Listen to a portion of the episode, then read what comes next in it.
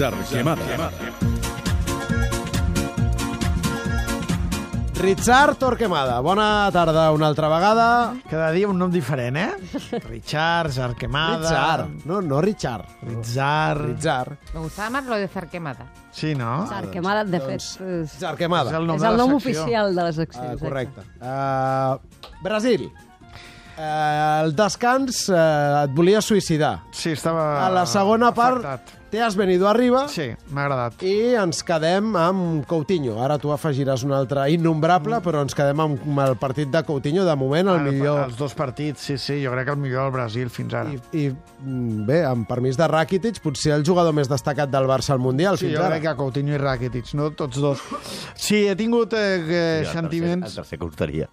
Eh? El tercer costaria. Sí, eh, sí, costaria trobar-lo perquè fins El va, ara... el va el dia, el va el dia no ha de anat gaire l'Espanya a. Portugal Sí. i ja està. Ahir vaig llegir, per cert, uh, parèntesi, ahir vaig llegir un article de la Mònica Marchante, diria que era el periòdico, on ella atribuïa en general el fluix moment dels jugadors del Barça, no només els espanyols, tots, al fet d'haver jugat l'últim partit de gran càrrega competitiva pràcticament al mes d'abril. Mm.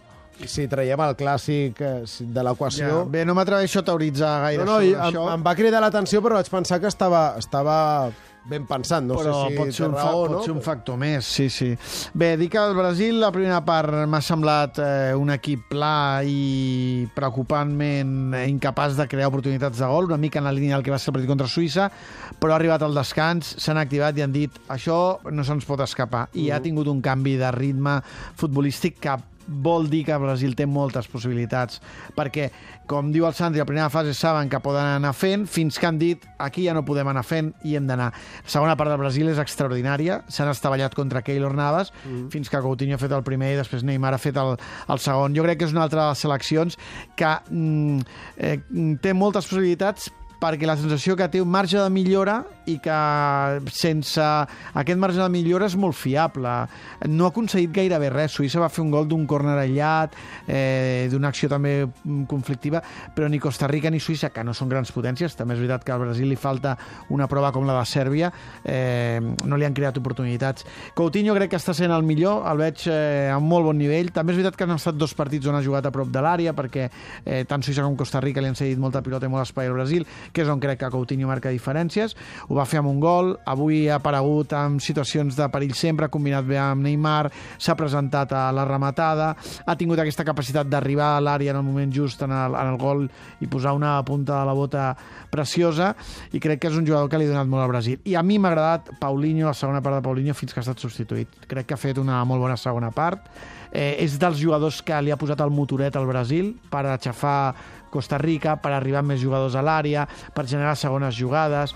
Crec que ha estat bastant encertat, així com contra Suïssa va passar més desapercebut. Jo crec que ha fet... El que passa és que després Tite l'ha canviat per eh, Firmino, per donar una miqueta més de...